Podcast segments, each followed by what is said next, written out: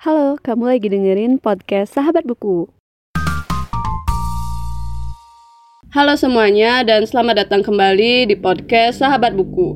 Bagi kamu yang baru pertama kali mendengarkan podcast ini, podcast Sahabat Buku adalah sebuah podcast yang membahas review buku dan pengalamanku saat membaca buku. Oke, jadi ini adalah episode ke-18 dari challenge podcast yang sebelumnya aku udah buat. Dan pada episode kali ini aku akan membahas genre favorit aku dalam uh, membaca buku gitu. Jadi bisa dibilang selama mungkin buat podcast kan dari 2019 ya. Tapi uh, untuk rajin baca buku gitu eh aku bilang rajin nggak juga sih sebenarnya. Tapi lebih ke kebiasaanku terbentuk buat baca buku kali ya. Karena beberapa kali ya sempat ya pasti sempat skip gitu buat baca buku. Karena capek dan juga berbagai faktor lain gitu. Jadi bisa dibilang aku cukup ya bisa dibilang apa ya? Kayak aku bisa membentuk kebiasaan baca dan ya menurut aku sendiri bacaannya juga lumayan untuk dihitung bulanan atau tahunan gitu itu mulai tahun 2018 dan sejauh ini udah berbagai genre sih yang aku baca. Dan sebenarnya masih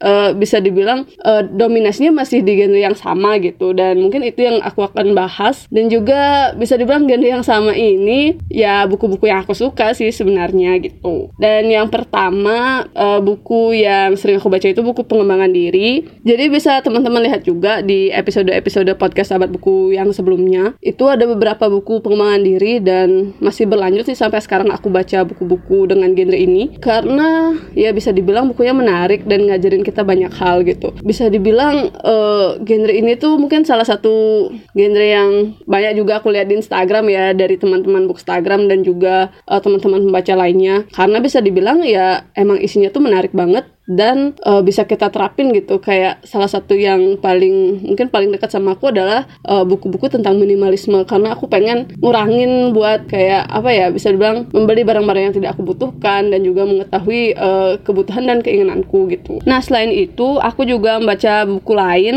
misalnya genre fantasi. Kalau genre fantasi ini lebih ke mencari petualangan sih. Karena ya namanya fantasi ya pasti uh, kita menemukan sesuatu yang nggak ada di dunia nyata dan itu tuh kayak menarik aja gitu untuk di diikutin karena seakan kita diajak berpetualang gitu dalam sebuah dunia uh, mungkin bisa dibilang dunia lain gitu ya. Dan selain itu buku fantasi juga menurutku bisa ngelatih imajinasi kita gitu. Karena aku sendiri suka explore gitu eh, buku-buku fantasi dan ini juga bisa aku terapin kalau aku nulis istilahnya kayak nulis fiksi gitu. Apa sih yang menarik dari uh, genre ini bisa aku tuliskan lagi dalam bentuk lain gitu. Nah akhir-akhir ini aku juga suka baca thriller khususnya dari buku-bukunya Mas Sugaida pas banget sekarang aku lagi baca buku yang berjudul Sudut Mati dan ketiga novel yang lain sudah aku baca. Jadi sepertinya aku bakal buatin episode khusus untuk ini karena bisa dibilang ini salah satu gimana ya genre novel yang buat aku bertahan kuat banget buat baca buku ini tanpa membaca buku lain gitu. Dan yang terakhir, aku juga membaca buku-buku sastra Indonesia dan